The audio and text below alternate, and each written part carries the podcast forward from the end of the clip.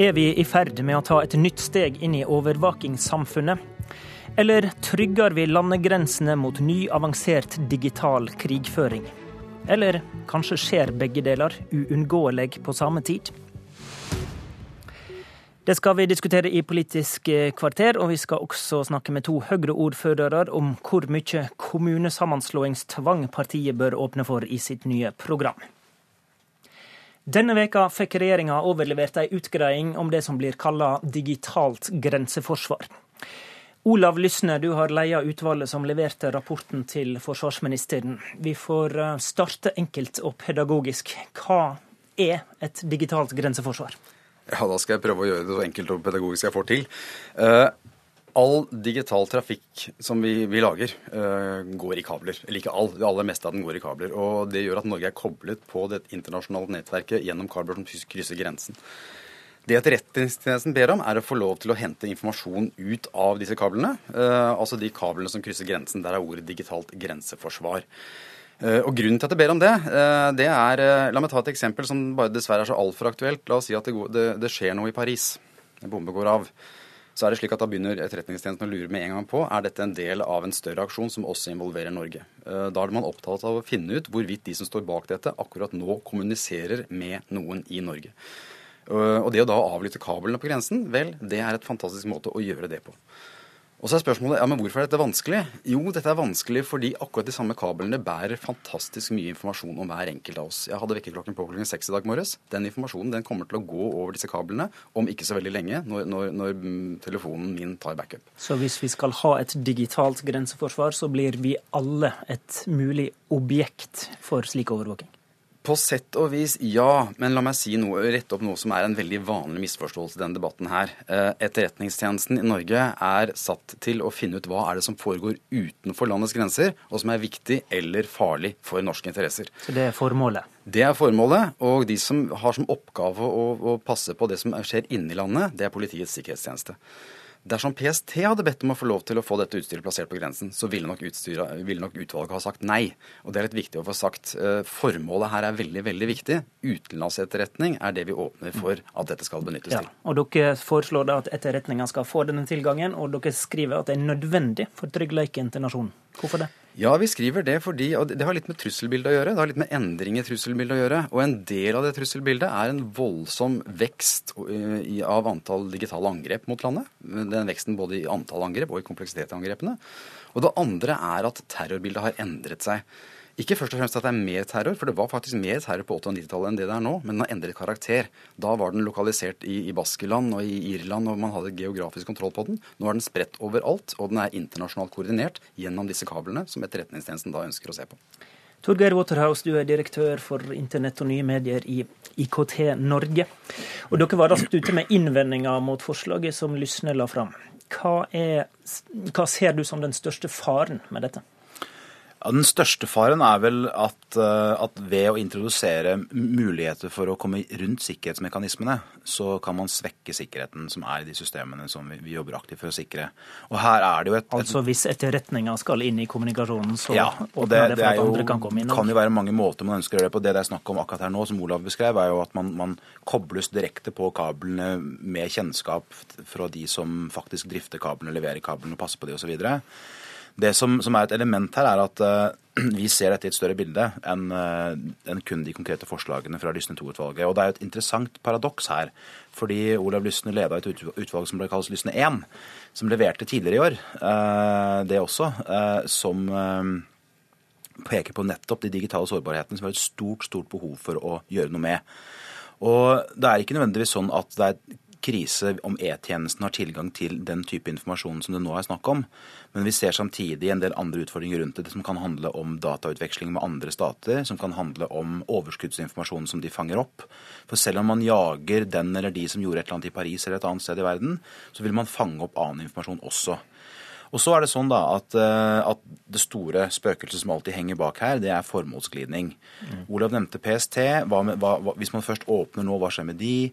Hva skjer med det ordinære politiet? Alle de forskjellige delene av justissektoren har legitime grunner til å ønske tilgang til disse dataene. Både kobla på som nå, men også ved å bryte inn i sikkerhetsmekanismene eller svekke de gjennom å etablere okay. bakdører. Her var det for så vidt mange poeng på en gang, men la oss ta det siste først. da, Formålsglidning. Mm. Det betyr at eh, andre tjenester enn E-tjenesten kan bli interessert i denne muligheten. Hvordan mm. forhindrer vi at det skjer, da, hvis en skal lage det systemet du har åpna for?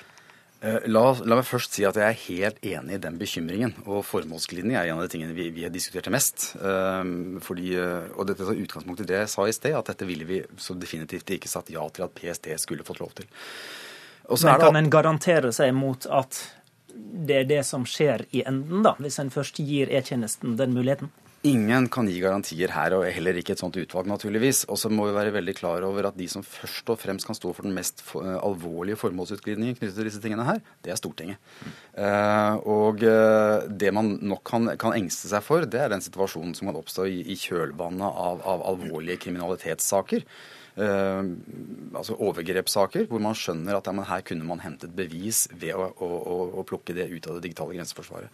Man kan gå, lett se for seg en debattsituasjon med, med uh, massemedia, uh, befolkningstrykk og politikere, hvor det presset blir veldig veldig vanskelig å stå imot. Hva slags stortingsvedtak ønsker du da for å um få et slikt digitalt grenseforsvar som kun tjener den hensikten du ønsker at vi skal ha?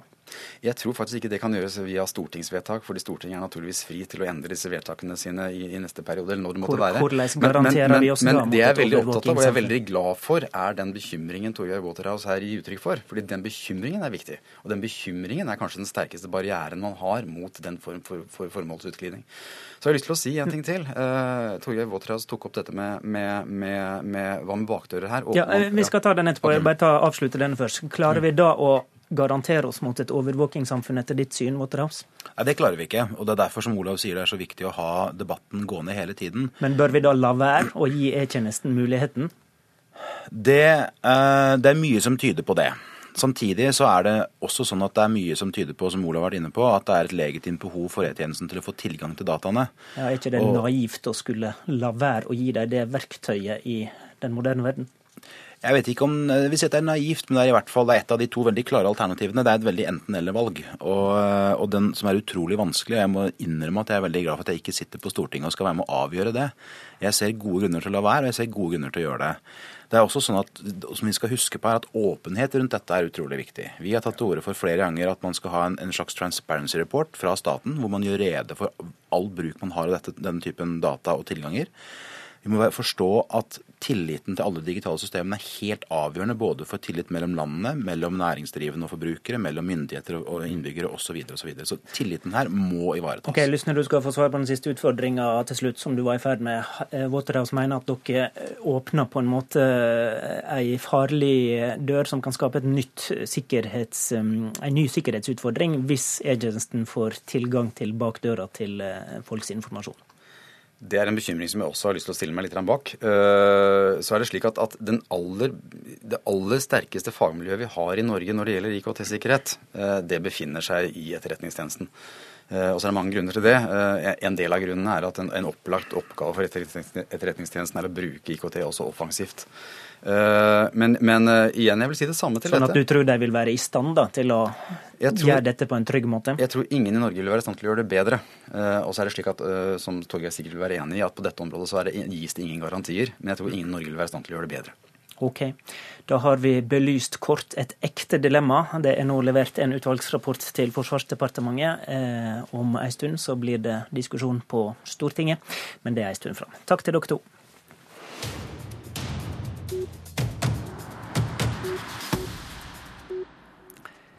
I sitt nye programforslag slår Høyre fast at Stortinget har overordna ansvar i siste instans for å avgjøre tallet på kommuner her i landet. Det er et steg bort fra frivilliglinja som partiet har stått for i denne kommunereformperioden. Men det er ikke alle lokalpolitikere i Høyre som er fornøyd med dette, har vi hørt i dag tidlig. Men vi um, starter med en som um, stiller seg bak dette. God morgen, Harald Furre. God morgen. Du er ordfører i Kristiansand og medlem i Høyres programkomité. Du sier til oss i NRK i dag at en erkjenner i økende grad at målet i kommunereformen ikke blir nådd med den frivillige linja. Hva mener du da må til i neste stortingsperiode? Jeg mener at Stortinget må se at det er nødvendig å gjøre endringer i kommunestrukturen for at de tjenester som Stortinget vil at kommunene skal levere til innbyggerne, blir levert med kvalitet. Eh, og Da må Stortinget finne en løsning på hvordan en skal eh, på nytt tegne kommunekartet. Vi vet jo fra tidligere tider at eh, frivillighet er vanskelig, og tidligere kommunereformer i Norge har endt opp med at det er Stortinget som har bestemt hvordan kartet skal være. Og du ønsker da at partiet Høyre skal være tydelig på at det er dette som skal skje?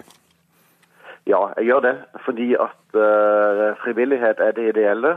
Og det har absolutt skjedd mye i denne runden med kommunereform. Men samtidig er det åpenbart at vi ikke kommer frem til en hensiktsmessig kommunestruktur i Norge mm. som både tar hensyn til bo- og arbeidsmarked og hverdagsregioner, men også sørger for at uh, kommunene er så store at de virkelig kan levere tjenester med kvalitet. Både innenfor barnevern, skole, helseomsorg osv., så, videre, så er det nødvendig å ha eh, robuste fagmiljøer i kommunene som kan eh, sørge for å ta hånd om Forstår. Den argumentrekka har vi hørt før. Sture Pedersen, ordfører i Bø i Vesterålen, eh, også du for Høyre. Dette er mm, ikke noe godt prinsipp å gå til valg på, har du sagt til NRK i dag tidlig. Hva er problemet?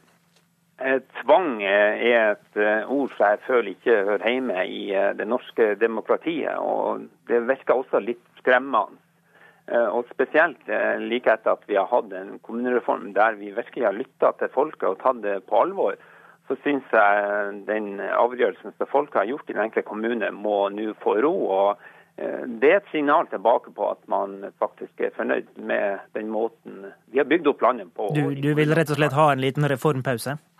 Jeg vil gjerne ha en reformpause. Nå må vi få ro. Nå må få kommunene konsentrere seg om det de skal drive og gi gode tjenester til innbyggerne i landet vårt. Men har ikke Harald Fure rett i at en ikke har kommet så langt med denne frivillige linja? Jo, Det er helt riktig, men eh, det trenger ikke være riktig at uh, de som ønsker at vi skal ha uh, færre kommuner, at de har rett i det. Folk har jo talt, og de er fornøyd med sånn som vi har det. Før nå eh, har jo frivillighet vært prinsippet i denne reformprosessen så langt. Eh, er det ikke da å føre folk bak lyset dersom Høyre skal gå inn for at Stortinget skal slå sammen uvillige kommuner i neste periode? Det ideelle er jo hvis en får en nedenfra opp-prosess eh, basert på frivillighet. Og Det vi har sett i veldig stor grad, det er at politikere som har skoen på, som vet hvordan kommunen fungerer, ja, de har vært eh, ganske så positive til å slå sammen kommuner og lage mer robuste fagmiljøer. Og så er det eh, folkeavstemninger som har gitt tilbakemeldinger på at eh, en ikke ønsker endring. Og Det er jo en litt klassisk situasjon. Det å få til endring er krevende. Det er tryggest å ha det sånn som vi har det. Men det er samtidig politikkens oppgave og ikke minst Stortingets oppgave å evne å se fremover hva som trengs mm. av administrative apparater for å levere gode tjenester. Tror du Høyre vil tjene på å, å gå til valg på et slikt tydelig prinsipp? Det er jeg ikke så sikker på, men jeg er ganske sikker på at en tjener på å vise lederskap og tørre å mene noe, selv om det kan eh, være litt upopulært av og til. Mm. Mens du Pedersen i Vesterålen, du tror partiet kan komme til å lide av dette, forstår jeg? Ja, tvang er i hvert fall ikke noe som man uh Eh, kjenner seg igjen. og I hvert fall fra Høyres side så har man bygd på dette demokratiet og skal lytte til folket, og at folket skal få tale. Så Det tror jeg ikke er noen god tanke at man skal eh, tvangssammenslå kommuner. Pedersen, hva vil du råde landsmøtet i Høyre til å vedta? da? Nei, Det er nå å ta en pause og fortsette en linje som man har sagt hele tida. Man skal ha frivillighet rundt dette. For jeg har tiltro til at lokalpolitikere klarer å gi gode tilbud til eh, befolkninga. Og gjør de ikke det, ja, så blir det å skje andre ting på en eh, demokratisk måte. Det er Høyres eh, landsmøte til våren som avgjør hva som blir politikken for neste periode. Takk for debatten til dere to. Hvordan klarte regjeringa å la oljeselskapene melde interesse for leiting i Lofoten, i strid med samarbeidsavtalen med KrF og Venstre? Oljeminister Tord Lien snakker om dette. Han blir intervjua i Nyhetsmorgen rett etter klokka 8.30. På den politiske kalenderen ellers i dag står KrFs landsstyremøte. Vårt Land skriver i dag om at det er opprørsstemning internt i ungdomspartiet, etter at lederen fronta vedtaket om å gå for borgerlig samarbeid. Knut Arild Hareide taler til sitt landsstyre klokka 11 i formiddag. Mykje å følge med på i NRK radio, før Politisk kvarter er tilbake mandag. I studio i dag, Håvard Grønli.